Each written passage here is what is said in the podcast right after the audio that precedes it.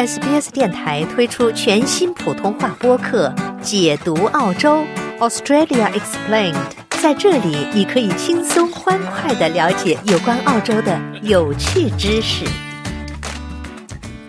澳大利亚的住房危机有什么解决的良策？下面请听澳洲经济学者李威博士的观点。好，现在我们请来的是悉尼大学商学院的李威教授。李威教授，你好。嗨，早上好。很多人现在租不到房，还有就是说年轻人现在买不起房的这个话题，好像这么多年来我们一直都在说这个话题。政府最近有没有什么一些新的应对的措施呢？对的，那么最近我们看到有很多这个方面的讨论了，因为呃现在开始国际的学生又重新的回到这个澳洲的这个地方开始上学，那么我们租房的危机其实又是开始加剧了。我也是听到我很多的学生也是在说，就是现在房租就是上升的非常的厉害，而且很难找房子。那么这也是契合到我们也是过去的一两年吧，其实也是一直在讨论，就是澳洲政府那么就这种房屋方面的。这种危机应该要有什么样的一个做法？那么最近我们也看到一个方面，就是联邦政府有重新在讨论，那么是不是要对于就是海外投资者就是购买的一些这种房屋，如果这些房屋是有空置的，那么是不是要对他们征收一定的一个是税收或者征收一定的一个罚款这样子的，叫空房罚款？嗯，那么这。联邦政府在最新在讨论这样子，那么另外一个方面就是我们去年年底其实看到新州的政府，那么就是要对全面修订地方呃政府分区的一个法律，那么主要的一个原因就想打破这个分区的一个限制，那么最终的目的想要拟增十一万套的一个住房，那么就是尤其是允许比如说一房两户式建筑的一个开发，而且呢还会加快这种中高等。公寓楼、排屋、呃联排住宅，呃还有一些其他一层或两层公寓楼在交通枢纽、城镇中心附近的开发，那么保障住房更加多样化。其实主要的一个原因还是希望从呃住房的供应方面去解决一下现在我们所遇到的一个买房还有租房方面的危机。嗯，那李威教授，你刚才说到这个分区是。具体来讲是指什么呢？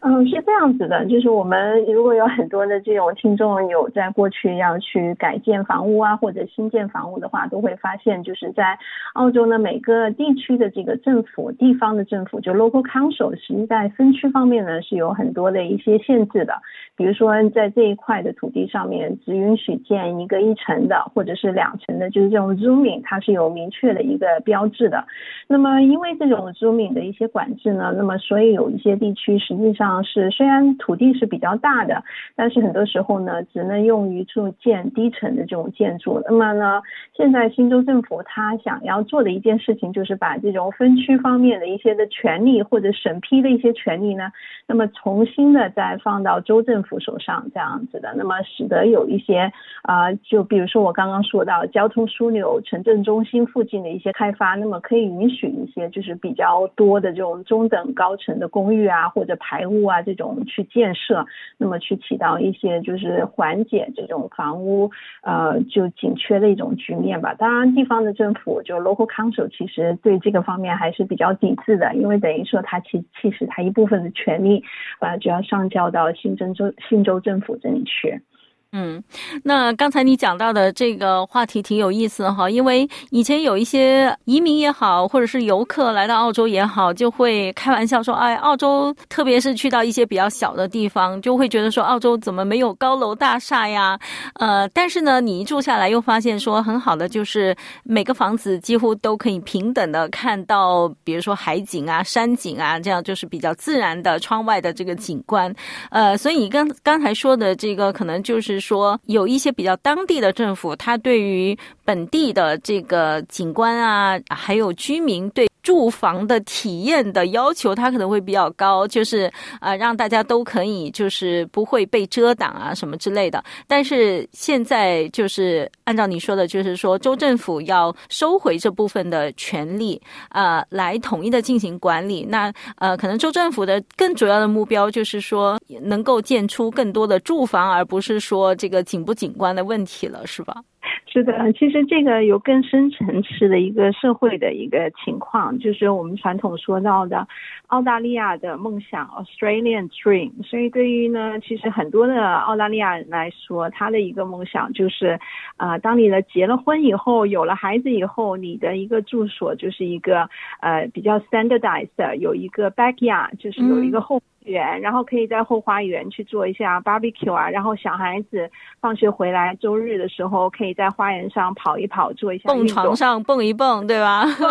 对对对对对，所以这个是对于很多澳大利亚来说，他的一个梦想，而且他们在接受了教育以后，然后出去工作一段时间，成家的时候有这样的一个期望。那么，的确从现在的一个情况来看呢，就是因为住房方面的一些危机呢，那么所以也涉及到这种呃对人的根本的，就是说一种认识方面的一种是不是要需要去改变这样子的。比如说传统的澳洲人来说，呃很难想象就是。你成家了以后有了孩子，还是在一个公寓楼里面去居住这样子的，然后几家人还有一只狗，然后在一个公寓里面去居住。但是现在来看的话，的确是有这样相应的一种可能性，因为呃，在现有的这种城市比较中心的地区或者城市周围的一些地区，现在是有地的这种房子啊，也是比较的稀缺。这也是为什么我们看到最新的一些数据也是比显示，就是说啊，有地的这种房。房子的价格跟这种公寓楼之间的价格的差距，现在是越来越大了。在澳大利亚来说，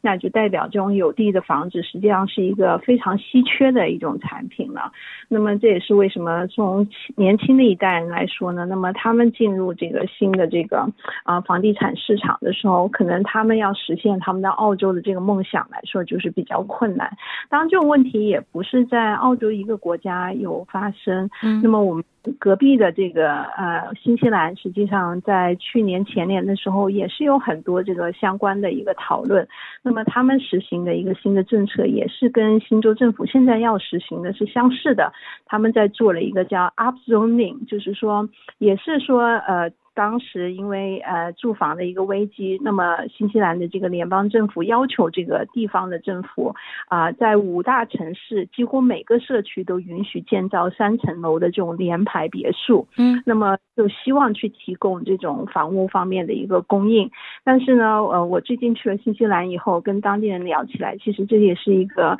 虽然非常雄心勃勃的政策，而且当时。得到了两个主要政党的一个支持，但是呢，现在地方政府强烈的抵制这个自上而下的一个指令，而且呢，因为呃一些开发商过度的一些开发，使得其实呃本来不应该建这种高密度的呃地区，然后建了很多高密度的这种联排的别墅，那么对当地的学校、交通还有很多的停车方面造成了许多的麻烦，所以当地的民众也没有觉得，因为有更多的这种房屋的供应。对他们的生活来说有所改善，就觉得到最后还是一些啊主要的房地产商可能在当中获利了。所以在这种政策的一个执行过程当中，还是需要有很多的一个讨论。这为什么新州政府现在也就是说，他们有一个相应的提议，而且现在呢正在啊就是等于说向社区啊还有各社会的各界去征征求相应的一些意见。嗯，那么。这项政策在实行的过程当中，也是能够达到预计的一个效果。嗯，另外就是配套也非常重要。除了建房子，像您刚才说的学校啊、停车位啊等等这些配套设施，必须要跟上，否则的话，其实是很难够很难啊，这个解决根本的问题。是的，是的，所以我们政府可能他觉得他需要，哎，这些房屋建在一些相应的一些呃交通枢纽啊，或者城镇中心的地区。那么这些地区其实他们本身就是可能房屋已经有一定的供应了，呃，但是呢，同时我们要看到，如果在呃更多的供应的房屋的同时，那么也对当地的一些基础设施就是起到了很大的压力，这样子。那么所以到最后的时候，呃，一旦这个措施施放开了，这种就比如分区的一个措施放开了以后，那么我们怎么能够确保这种房地产商他都是逐利的嘛，而且他也是投机的，那么他们能够在一些比较适合的，就是有相应的基础设施的供应的一些地区啊，去配套相应的房产，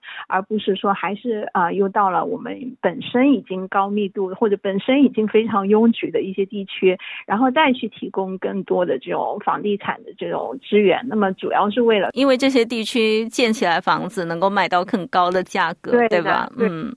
就是这样子的。那么，因为这些地区，那么很多人可能就是买房子，主要是看着这些地区去买的，他们就去买。因为最近我们也看到房地产商，尤其在建公寓这个方面，就是有很多一些负面的案例这样子，所以大家本身对于房地产商去建这种公寓，就已经有一种很谨慎的一个态度。那么，如果这个公寓只是在一些比较偏远一点的地区啊，然后呢，而且相应的配套设施呢又不是很完全的话，那么有很多的呃。民众可能并不太希望去购买这种房子，所以房地产商他也是逐利的，所以我们也是希望看到一样，不是说呃，只是说完全的就是讲总量的一个供应有多少的一个上升这样子，而是讲的是不是在一个合适的地区、合适的地点，然后有相应的一个供应，而且供应的同时呢是有配套的基础设施存在的。好的，那我们也将拭目以待。今天也非常感谢悉尼大学商学院的李威教授给我们做的分析，谢。谢谢你，嗯，谢谢。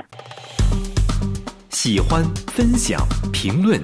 欢迎您在 Facebook 上关注 SBS 普通话页面。